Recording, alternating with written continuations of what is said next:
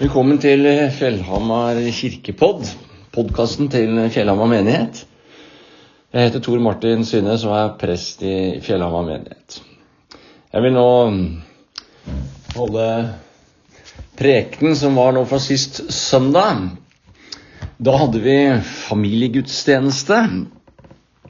Det vil si at denne preken eh, i utgangspunktet ble skrevet med tanke på også formidle til barn. Nå, når jeg nå leser den inn her, så gjør jeg den litt mer rettet mot voksne, men utgangspunktet var med barn som tilhører også.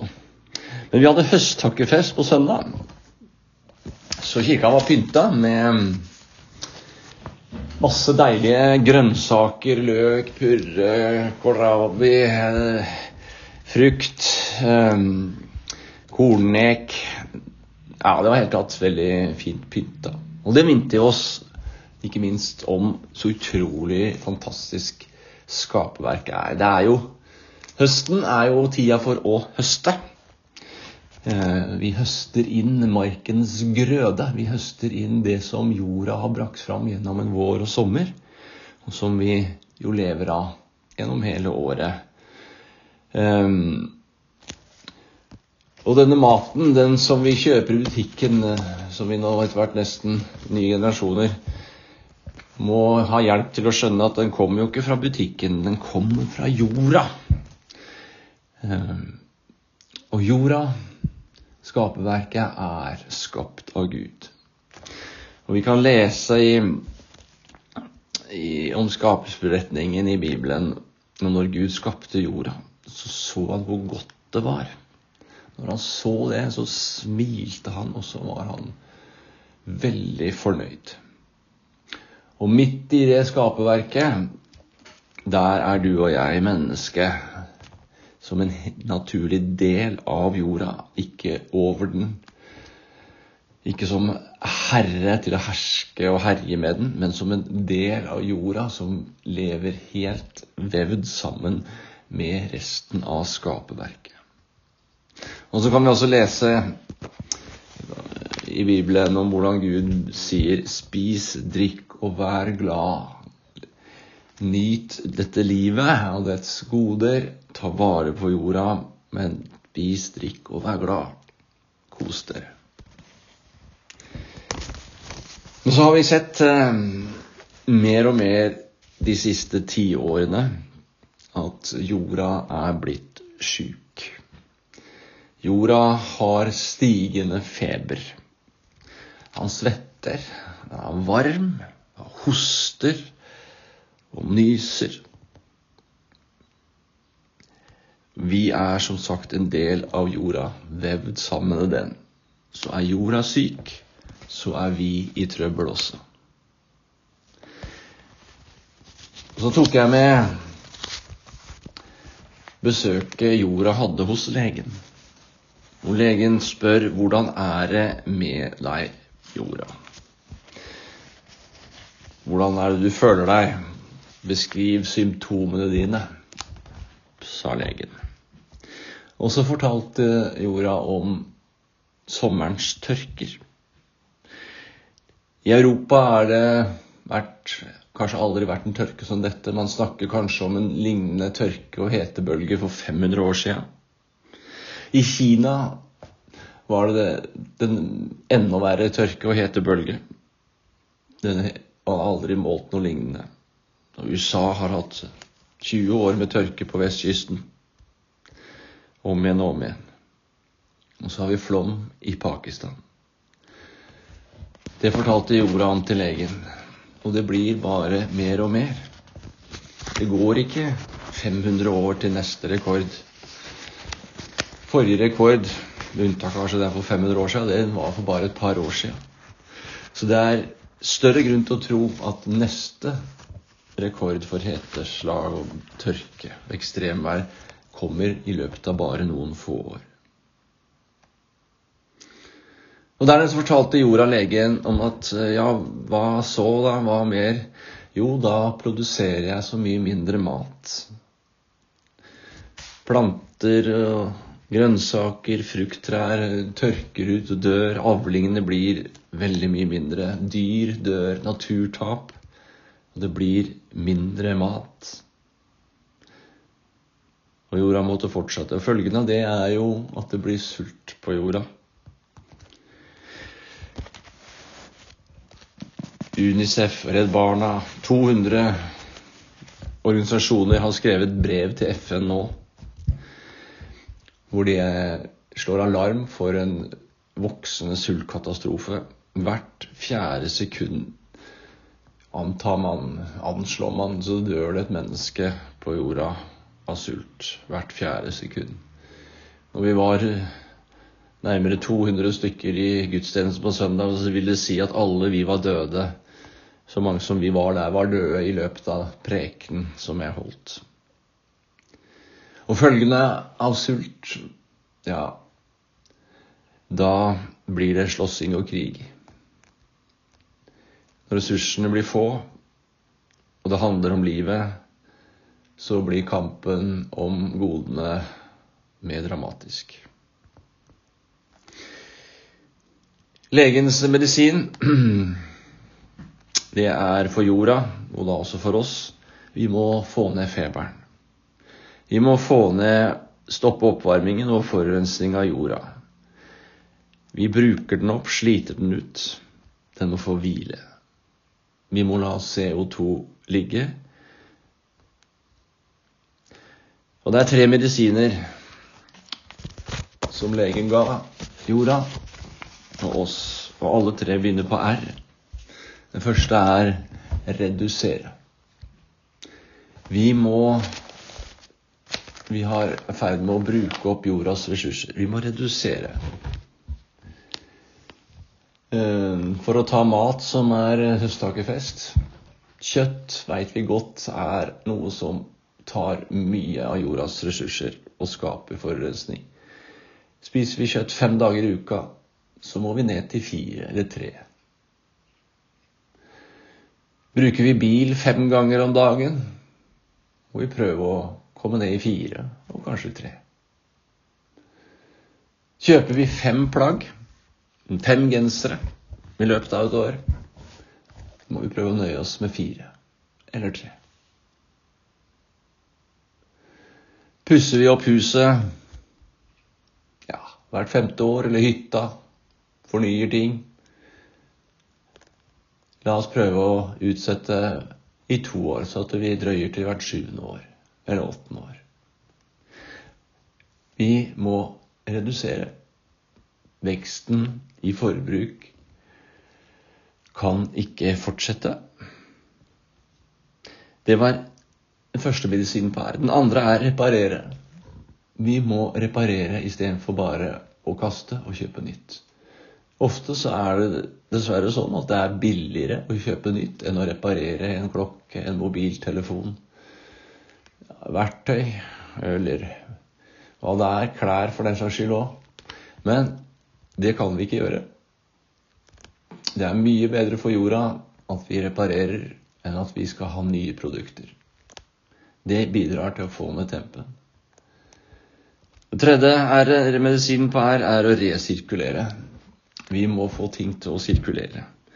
Det vil si, vi kan kjøpe brukt, sånn at og selge, gi bort brukt. De tinga ikke jeg bruker nå fordi en livsfase har endra seg, de kan jeg gi bort. Eller selge. Og så kan, når jeg trenger noe nytt for en ny livsfase, så kan jeg også da kanskje få noe eller kjøpe det av andre. Klarer vi å få til de tre bruk, ta de tre medisinene, redusere, reparere, resirkulere, så vil det bety utrolig mye for å få jorda frisk. Og det kommer vi til å få til. Det er jeg helt sikker på. Jorda blir frisk igjen. Det er mange som ser alvoret nå og vil gjøre noe. Også de med mange penger, for de ser at det lønner seg ikke å forurense. Det er usikker eh, Det er usikre investeringer. Og når pengemakten ser det, så går det mye fortere. Teknologien gjør stadig fremskritt. Nå trenger vi modige politikere Og vi trenger vanlige folk som deg og meg, som er med på dette. For utfordringen er er hvor lang tid det tar før vi får til omstillinga. Forurensninga i dag gjør at jorda kommer til å være varmere om tre til fem år. Det greier vi ikke å gjøre noe med. Men om jorda blir varmere også om 10 og 15 år, det avhenger av hva vi gjør i dag. Vi har 10-20 år nå maks på å stoppe oppvarminga. Stoppe enda verre ekstremvær. Som vil komme hvis ikke vi snur nå. Spørsmålet er om vi evner å gjøre det raskt nok. Vi vil greie det, men hvor ille blir det før vi får snudd oss? Vi døpte tre barn på søndag.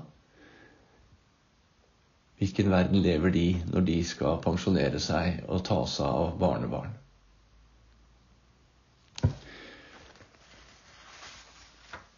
Bibelteksten for i dag er fra Lukas kapittel 11 vers 3. Det er en av bønnene i vår far, bønnen Jesus lærte oss. Og den lyder sånn Gi oss i dag vårt daglige brød. Gi oss i dag vårt daglige brød. Jeg tror det er verdens mest bedte bønn. Vi har kanskje knapt tenkt, mange av oss, tenkt på at det er en bønn vi, vi ber eh, fordi vi er usikre på om vi har mat i morgen. Vi har mat i kjøleskapet for uker, kanskje. Og utfordringa vår er vel heller at vi greier å spise opp alt før det blir for dårlig. Vi må kaste det. Men gjennom historien, og ikke minst i dag, så er det mange mennesker som ikke vet om de har mat i morgen eller i dag. Foreldre, mødre og fedre som mye av sin tid bruker store deler av sin tid på å tenke hvordan de skal skaffe mat til seg og sine. Vil de greie det i dag også? Gi oss i dag vårt daglige brød tror jeg er verdens mest bedte bønn gjennom alle tider. På søndag så spilte noen barn et dramastykke om Gulleguds bursdagsfest. Gullegutt eh, inviterer til fest. Eh, og vennene kommer, og da sitter Gullegutt og bestekameraten ved ett bord, og de seks-åtte vennene sitter ved et annet bord. Og så er det to fat med mat.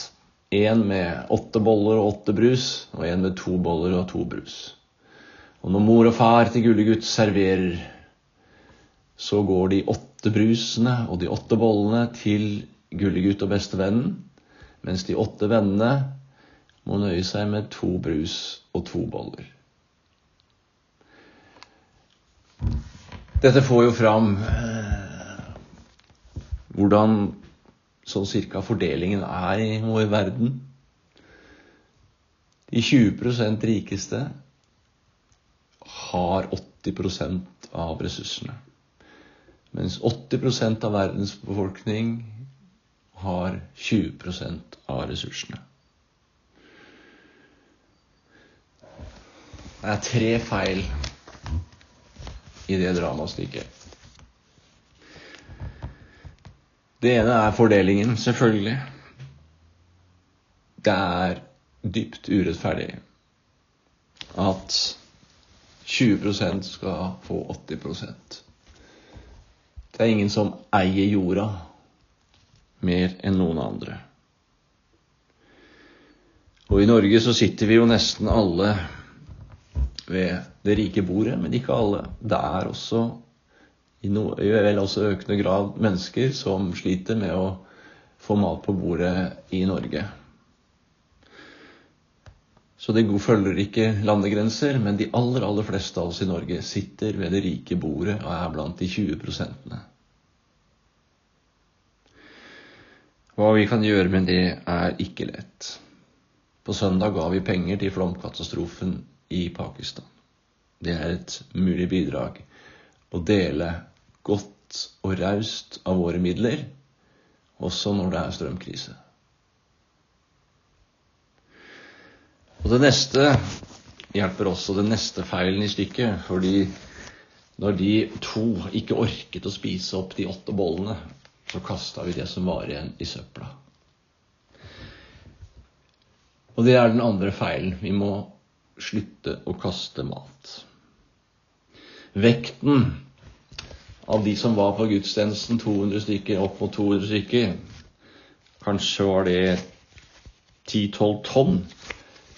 Så mye mat kastes bare i Norge i løpet av de 10-15 minuttene preken var på søndag. Det kastes 50 tonn i timen av mat i Norge. Vi må spise opp maten. Spise opp maten vår. Det er liksom kanskje bud nummer én. Så er det ikke alltid vi får til det. Vi får ikke spist grytene tomme, eller vi strever med å orke. Sparer vi på matrestene, så lag en plan hvordan vi kan bruke de. Og bare det at den mengden mat som kastes, kan komme de som ikke har mat til gode, vil både avhjelpe sult i stor grad, og det vil også lette trykket på jorda i forhold til hvor mye mat vi må produsere. Den tredje feilen ved det stykket, det var at de satt ved to bord. At det var atskilte bord mellom gullegutt og bestevennen og de andre åtte. Vi hører sammen på jorda. Vi har én jord vi deler. Vi må tenke oss et stort fellesskap av brødre og søstre som skal dele på jorda og maten og passe på hverandre.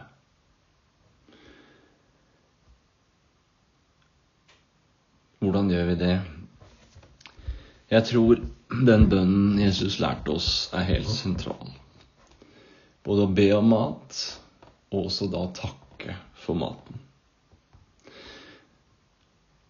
Og takk for maten, det skal vi både gjøre til de som har laget den, men aller mest til Gud. Du som mette liten fugl, velsign vår mat og Gud. Amen. Hvis vi bare takker de som har kjøpt og lagd maten, så betyr det at det er de som har penger til å kjøpe mat, og så lage, som er de som måtte eier maten, skal takkes. Men hvem av oss kan lage et eple? Kan lage en tomat eller en hamburger. Det kan jo bare epletreet, tomatplanten og oksen. Det er jorda som gir oss maten, og jorda er skapt av Gud, som vi skal leve både Og denne jorda skal vi lede både sammen med og av. Gud, vi ber Han om å gi vårt daglige brød. Det er det vi ber Gud om. Og Gud svarer, 'Jeg har gitt dere jorda'. Jeg er livet og livspusten i alt som lever. Planter som spirer og gror, dyr og fisker som lever. Jeg er ånden, luft, livspusten, som gir liv. Et, drikk og vær glad. Og ta vare på jorda og del den med hverandre. Den jorda jeg har gitt dere. Skal vi lære oss å takke, så trenger vi dypest en overbevisning en opplevelse av at det er noe å takke for. Det er noen å takke. Det er noe som er gitt oss, at det er en giver. Vi eier ikke maten og jorda på den måten at det er vårt alene. Vi har fått så utrolig mye. Vi er ut mottakere av utrolige goder gjennom skaperverket, og det er helt fantastisk. Vi skal nyte det og glede det. Og dette lever vi i og lever vi av, og som vi må takke for. Og takknemlighet sammen med bevisstheten om at alt er gitt oss, vi eier det ikke, og har ikke krav på det, gjør at vi deler med hverandre i omsorg. Når jeg skjønner at dette ikke er mitt Det jeg takker for, det er det gjør jeg. Takker jo ikke for det som jeg anser som mitt. Jeg takker ikke for genseren jeg tar på meg hver dag, fordi den er liksom min. Men gir noen meg en genser, så takker jeg. Å takke er å si at det er en gave. Å takke for maten er å si at det er en gave. Og en gave, den deler vi lettere. Takknemligheten kan i større grad gjøre oss givere. Og da er vi i gang med å være en del av svaret på bønnen vi selv ber om å gi oss i dag vårt daglige brød. Herren velsigne deg og bevare deg. Herren la sitt ansikt lyse over deg og være deg nådig. Herren løfte sitt åsyn på deg og gi deg fred. Amen.